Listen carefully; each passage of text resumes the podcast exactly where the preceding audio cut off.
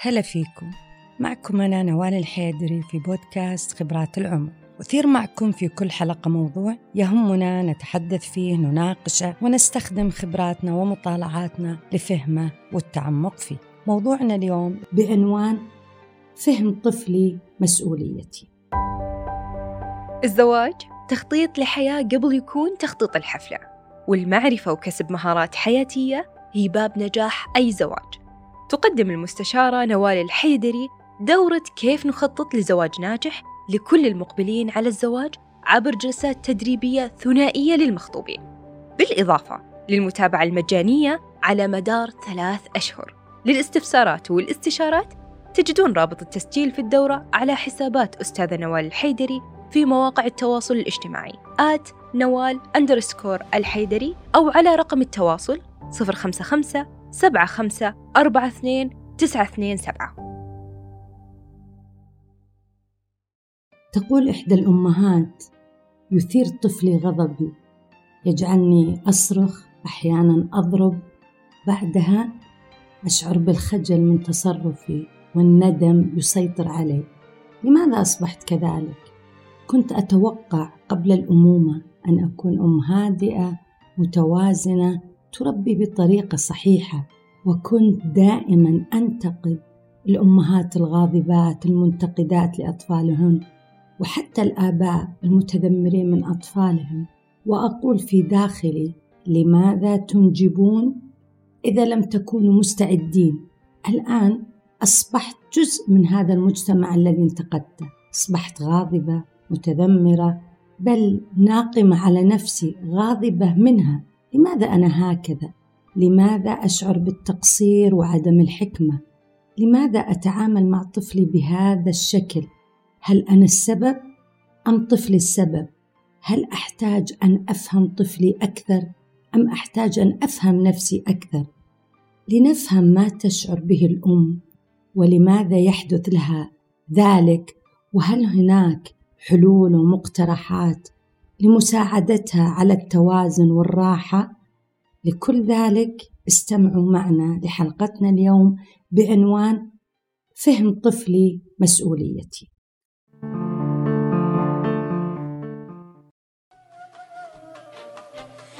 بحبك قد روحي لا لا أكتر كتير.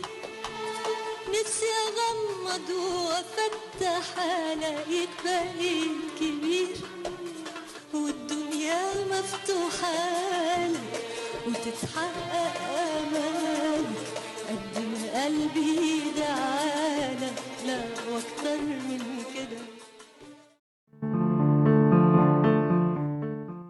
طفلنا ما ممكن يشعر بالراحة والتوازن إلا إذا شعر بالانتماء. عندما لا يشعر بالانتماء لعائلته ولوالديه بالذات يبدأ بتصرفات نعتبرها إحنا مزعجة إحنا كأهل. يسيء التصرف ويبدأ بمحاولة لفت الانتباه. أما بسلوك إيجابي يتحدث بصوت هادئ ينفذ ما أريد منه أو إذا لم يجد الانتباه بالسلوك الإيجابي ولم نلتفت له قد يجذب انتباهنا بالسلوك السلبي بالصراخ بالبكاء بغيره. وإذا لم يستطيع لفت انتباهنا بالسلوك ممكن يحاول يأخذ السلطة يحاول أن يتمرد. ما حد يفرض عليه شيء.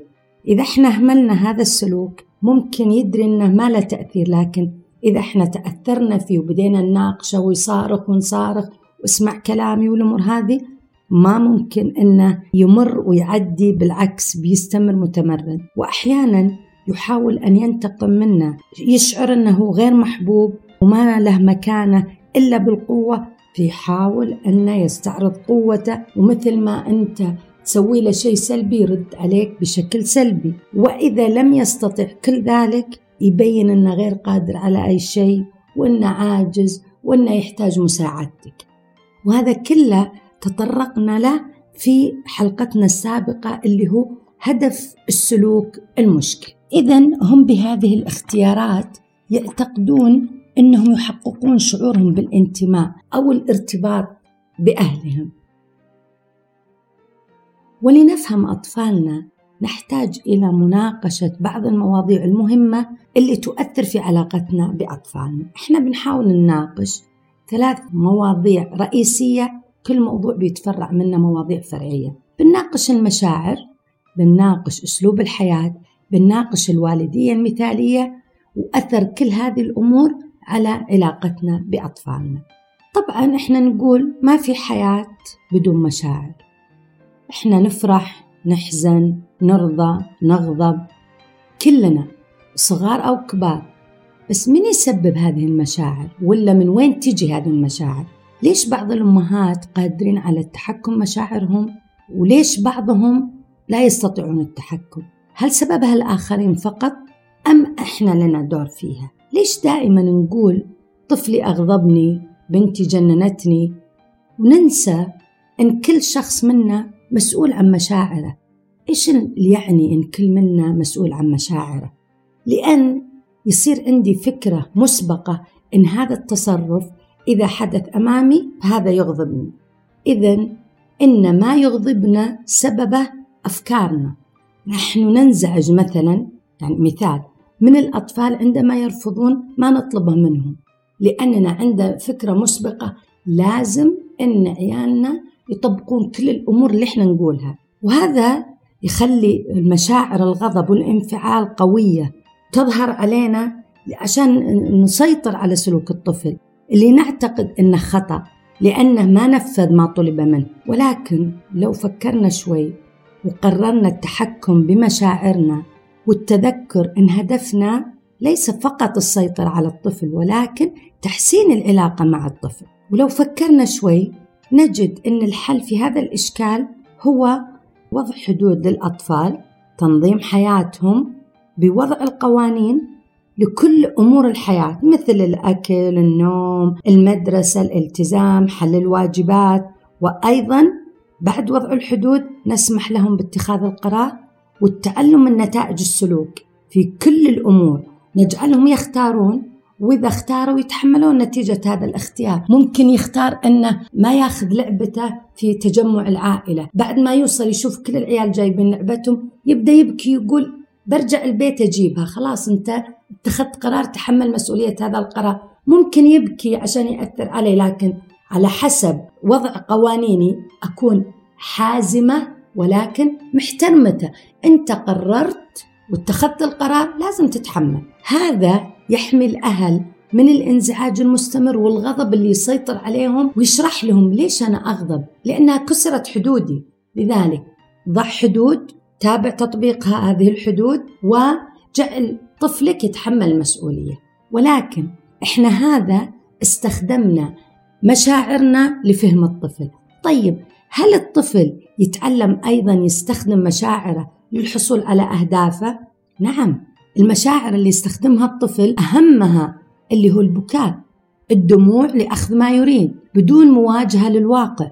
مثل ما قلنا تو ما أخذ آه لعبته معاه وصل ولقى الأطفال معهم اللعبة يبدأ يبكي. أنا أبغاها أنا أبغاها. أحيانا نحن نضعف قدامه لكن إذا ضعفت كل مرة عرف أن البكاء مفتاح لكل أموره لكن إذا خليته يبكي المرة الجاية بينتبه أنه ما يترك شيء يحتاجه. لذلك إذا تعود أنه يبكي لأخذ ما يريد بيتعود أنه ما يواجه الواقع.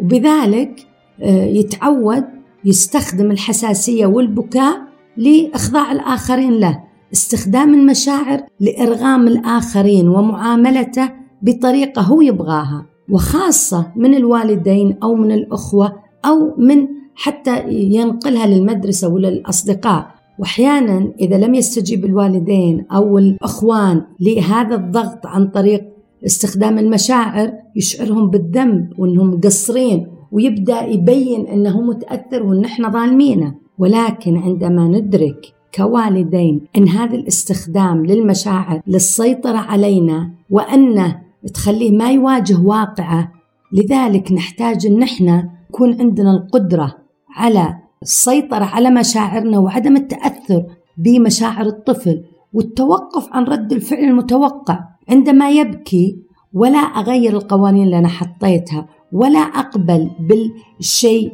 اللي كان ممنوع أخليه مسموح.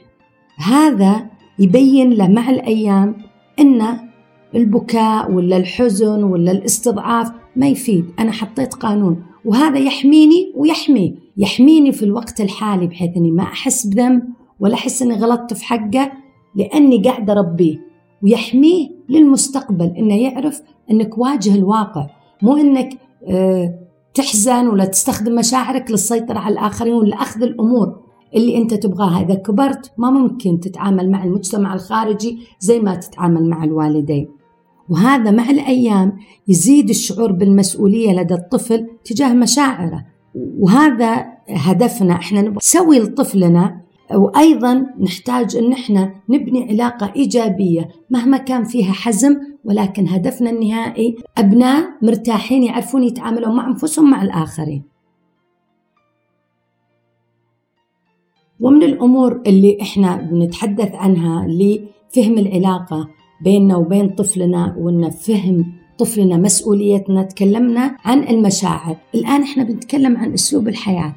إحنا منذ الطفولة تتكون عندنا القناعات عن أنفسنا عن من حولنا وش الشيء المهم في الحياة وش الشيء الصح في الحياة كيف نتصرف حتى نشعر بالانتماء لهذه المجموعة كيف نتصرف عشان يقبلوننا أهلنا ونكون مقدرين عند أهلنا. كلنا نتصرف حسب قناعاتنا اللي شكلتها أسلوب حياتنا.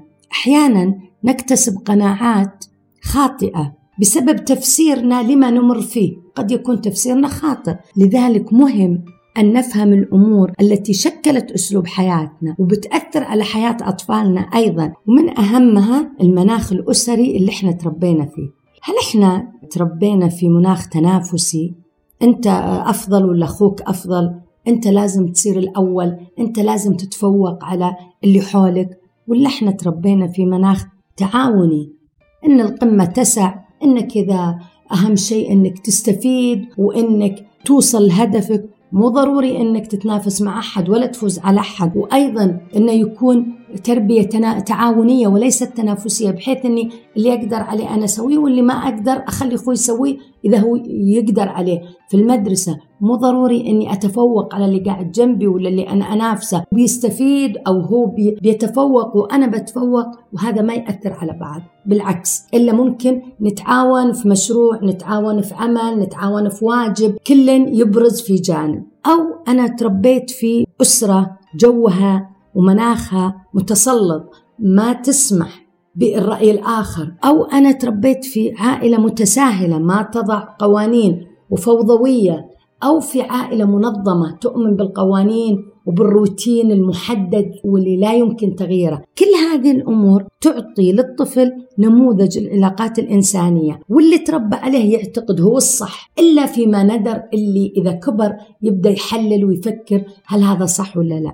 إذا أنا تربيت في أي واحد من هذه المناخات الأسرية اللي إحنا ذكرناها أنا بنقلها لأبنائي وليس من السهولة تغييرها. أنا بالعكس أحس أنها هي الصح لأني تعودت عليها. أحيانا إحنا كأهل إذا كبروا عيالنا ولاحظنا أنهم يتنافسون يتنافسون على أمور تزعجنا يتنافسون على أن أنا أتفوق على أخوي أنا ترى عطيت أكثر منه أنا زرتكم أكثر أنا وديت أنا سويت أنا ليش عيالي كذا؟ وننسى أن إحنا نقلنا لهم أمور كانت في عائلتنا. وتبنيناها بدون ما نشعر طبقناها فالآن عيالنا يطبقونها. أحيانا إحنا ننتقد أمور في عيالنا إحنا نسويها بس ما انتبهنا. إذا لنتذكر دورنا والمناخ الأسري اللي ربينا عيالنا عليه كيف تأثيره علينا وعليهم.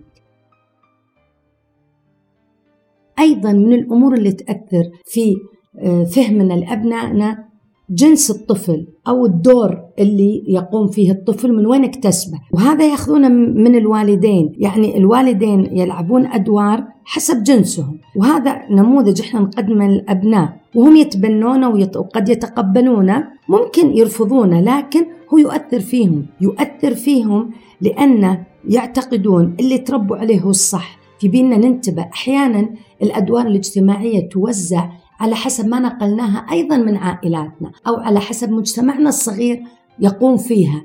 مو دائما هي صحيحة. يبغالنا ننتبه لهذا الدور دور الرجال ودور النساء. مو مو صحيح إن التربية فقط دور المرأة.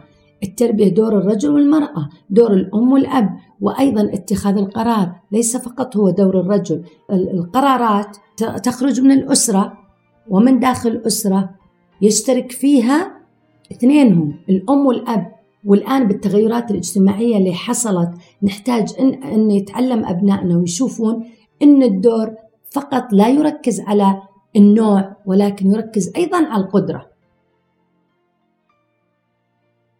ومن الأمور اللي تؤثر في فهمنا لابننا ويحدد نوع علاقتنا فيه ترتيب الطفل في الأسرة. ترتيب الطفل في الأسرة يؤثر على نفسيته وشخصيته فهو يدرك الأحداث من وجهة نظره ويجعله مختلف عن باقي الأخوة. إذا الطفل الأول يرى الأشياء من منظور مختلف عن الأوسط وعن الأصغر وهذه الأمور اللي يؤثر فيها الطفل الأكبر دائما هو الطفل الأول على حسب ما قدمه الوالدين له وما رآه في تعامل الوالدين معه يكون منظور مختلف. الطفل الثاني عندما جاء الطفل الثاني تأثر الطفل الأول بوجود الثاني بدأ يشعر أنه انسحب البساط من الطفل الثاني يبدأ يشعر أنه مو هو التركيز عليه فيه طفل آخر أكبر منه وله مكانة معينة. دائما يكون نمط شخصيته مختلف عن الأول وأيضا الأصغر له نمط مختلف عن الثاني والأول. لذلك لها دور ترتيب الأبناء ولكن ليس هو المؤثر الكبير. أيضا من الأمور اللي لازم ننتبه لها أثر التنافس وكيف أن التنافس له دور في بناء الشخصية وممكن أنه يطلع أسوأ ما في الأبناء. إذا فكل ترتيب له أسلوب معين في النمو أفكار واتجاهات لابد أن إحنا نعرفها. هذه الأوضاع تلعب دور في المعاملة يتلقاها الأطفال وبالتالي تؤثر على رؤية الطفل وفهمه لما حوله.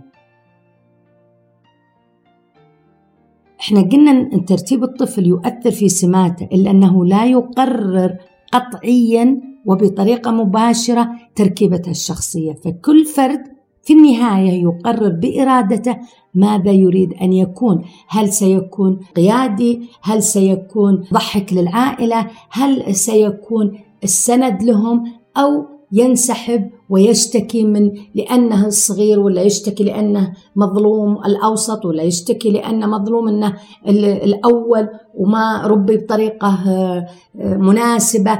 كل هذه الأمور نقول من الخطأ أن نركز عليها فقط لأن عندما يكبر الشخص وينمو يستطيع أن يعدل كل الأشياء اللي مر فيها.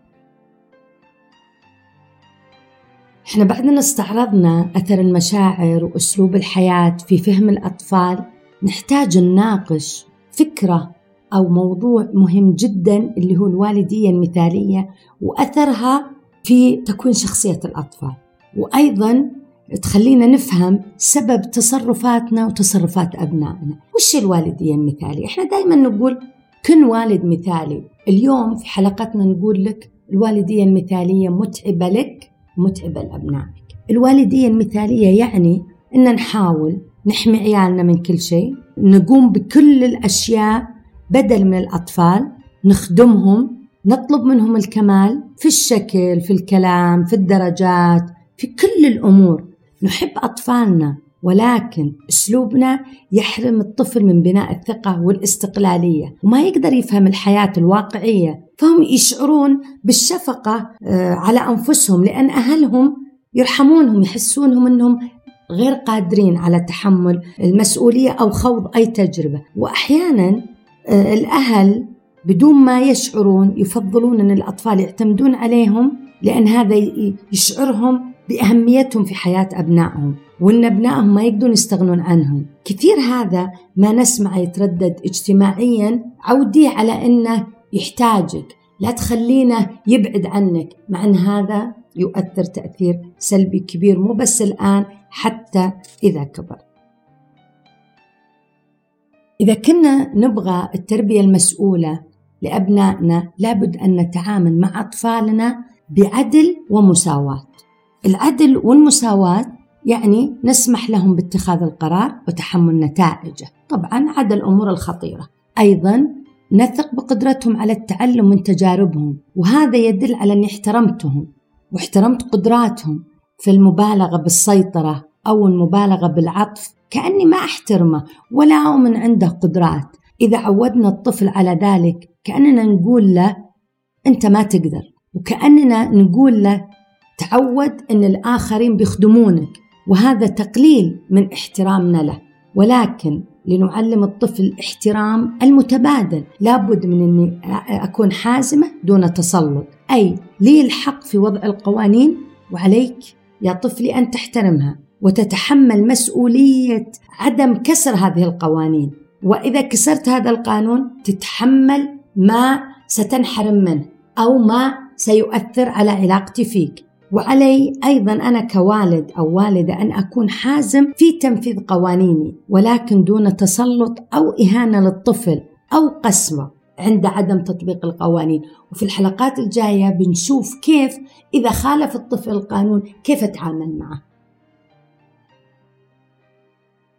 وأخيرا نقول الوالدية المسؤولة هي التي تهتم ببناء مشاعر المسؤولية والثقة بالنفس لدي الطفل أكثر من الاهتمام بالصورة المتوقعة من المجتمع. فنحن نمنح الأطفال خيارات ونجعلهم يشعرون بالتجربة ويستمتعون بالنتائج ويتحملون نتائج عملهم.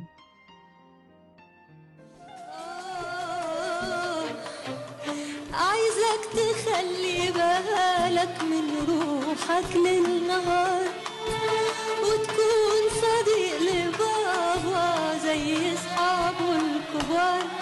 وتذاكر باهتمام وتسمع الكلام وأنا أجيب لك كل حاجة وأبوسك من هنا.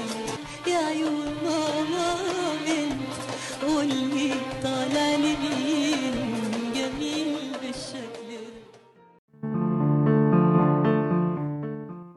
يقال اقرأ ما ينفعك ونضيف انتفع بما تقرأ وتسمع. فبعد أن تشاركنا المعرفة ندعوك لاستخدامها وتطبيقها ونتمنى لك حسن الحال. كنتم معي أنا نوال الحيدري في بودكاست خبرات العمر.